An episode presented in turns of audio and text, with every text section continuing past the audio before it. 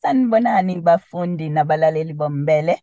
Igama lami nginguSilindile Khanyile. Siyanamukela futhi engosini yethu lapho sidingida khona umthetho kungulwesibili umhla ka-8 ku-August. Sisaqhubeka nokubheka kakhulu izindaba ezithinta abantu besifazane. Namhlanje sibheka ukuthi uthini umthetho ngokondliwa komuntu wesifazane ngoba eshade naye kodwa umshado ungakahlukaniswa. Ukubheka lolu daba kabanzi ukhona ungoti wethu womthetho umnumzane uMpumelelo Zikalala weZikalala Attorneys. Mnumzane Zikalala siyakubingelela futhi siyakwamukela kumbele. Akubingelele bese ngibele kakhulu ababukeli nabalaleli bombele. Mnumzane Zikalala yimuphi umthetho olawula ukondliwa komuntu ngabe shade naye uma umshado usuphelile?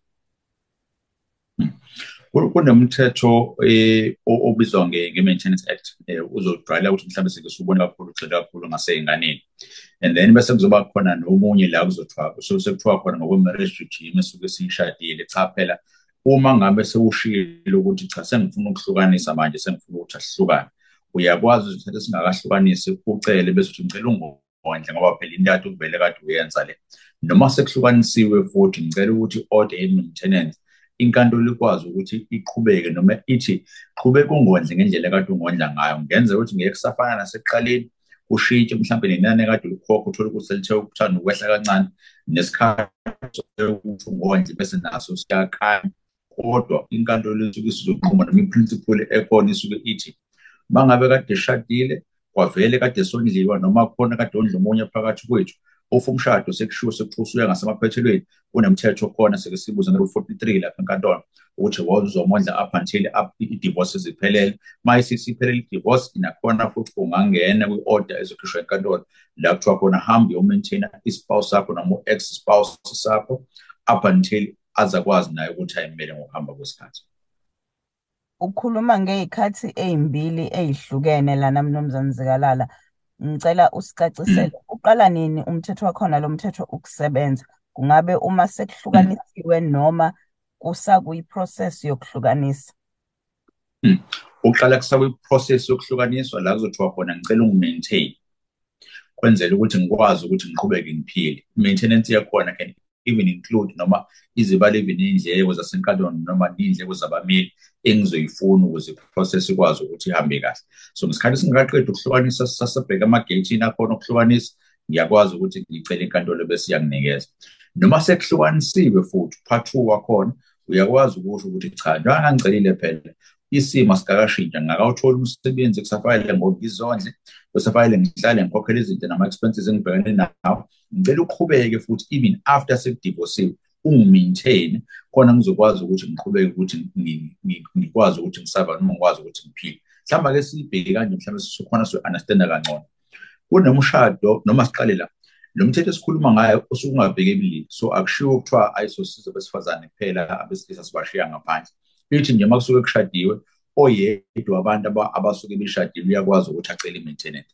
Okwesibili bese ukuthi khona abantu abazothi uma besebenza bathi hayi ithi ngihambe mina mama ngiyosebenza wena uhlale bese ugada ikhaya. Ngesikhathi uma ehlele egada ikhaya yena akatholi lutho ngokwe-development yemfundo yakhe akatholi lutho ngokuthola i-experience emsebenzini. Umbuzo bese uthi mase udivorce usuthi usuyamshiya uzobe sephila ngani engenayo i-work experience engenawo umsebenzi akwazi ukuthi ahamba ekuwona uzoyiphilisa ngani yena yedwa? Bese uthi umthetho cha singeneleleke la. Asithi ngalesikhathi sakwi-process ye-divorce ngoba 90 percent of the time ubaba noma umama usuke engasahlali endaweni eyodwa. Akube khona imali abezoyithola azokwazi ukuthi aphile ngayo. Siyibona kanjani leyo mali? Si-check-e iy'dingo zakhe ukuthi ithini bese si-check ukuthi bebephila kanjani ngesikhathi ngingakadivorce bese si-check ukuthi amandla ukuthi lesi single spouse noma ubaba akwazi ukuthi alethe imali engakanani. Kanjalo futhi uma sekudivosiwe bese kuthiwa khumbula phela mlisa noma khumbula wena mama ukuthi ngesikhathi wena ubhizi usebenza laphayana bekubonga uthola nama-accolades umuntu ekade ehlele kumshiyela ekhaya nami naye usadinga isikhathi ukuthi aphindele ayongena kahle egiyeni kwi-career yakhe. Akwazi ukuthi azondle kahle. Sicela ukuthi-ke uqhubeke umondle for isikhathi esingaka ngemali engaka sivunile nephakethe lakho ukuthi iqinile laphaya zokwazi ukuthi ulikhuphule ukwazi ukuthi uqhubeke nokondla naye. Qhubeka lapho-ke up until i-order yasenkantolo ibisiphethe so ingqikithi yalo mthetho esikhuluma ngawo uchaza lokho. Sikhona yini isikhathi esinqunyelwe sokuthi umuntu obushade naye kufanele akondle isikhathi esingakanani uma ngabe umshado usuphelile? A- asikho esinqunyiwe esibhalwe phansi noma sothi mhlawumbe khona i-act thizeni ezochaza ukuthi isikhathi esingakanani. Inkantolo ibheke nje ukuthi kuzothatha isikhathi esingakanani ukuze uphindele back noma uzophindela ube sesimeni lakho ongakwazi ukuthi uzondle khona. Ake sithi mhlawumbe umuntu kade ewudokotela noma kade ewummeli kuzobe sekuthiwa oh ukuze ukwazi ukuthi nawe usethi i-ofisi uphindele back enkantolo ukulungisa indaba zama-registration nani nani.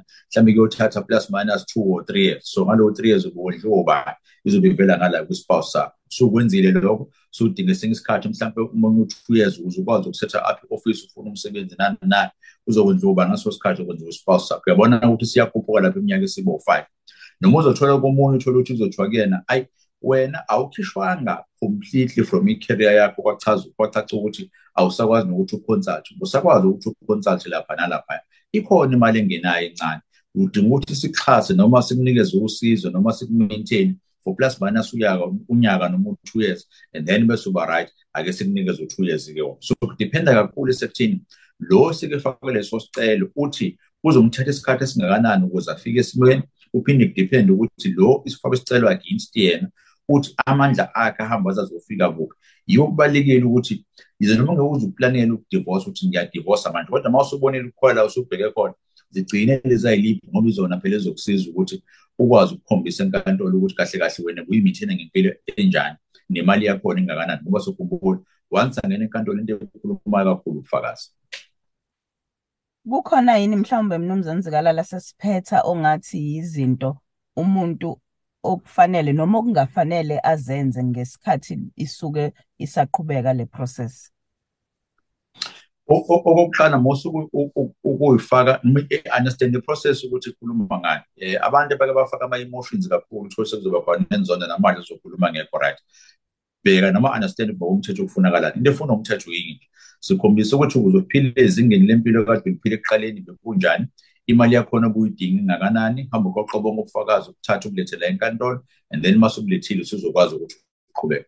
Number two baningi abantu uthola ukuthi abazi ngohlelo nje so kubalulekile ukuthi mangabe ususenkingeni noma usuyabona noma usuwabonela amasamanisi wawathola noma ufuna ukwafaka wena xhumana nomuntu ummeli akwazi ukuthi akuchazele ngayo yonke le process ngoba ikithusa abaningi le application ngoba ingena ngaleso sikhathi ngesikhathi i-divorce ingakapheli umuntu athi hawu ngathi ngilendele ukuthi ngiyohlukanisa la kodwa ngibona sengibizwa inkantolo kuthiwa ngilethe ubufakazi kwathiwa kube khona imali engiyikhipha nyanga zonke ngiyikhiphela umuntu esengiyisho ukuthi angisathandi ukuthi ngihlale naye.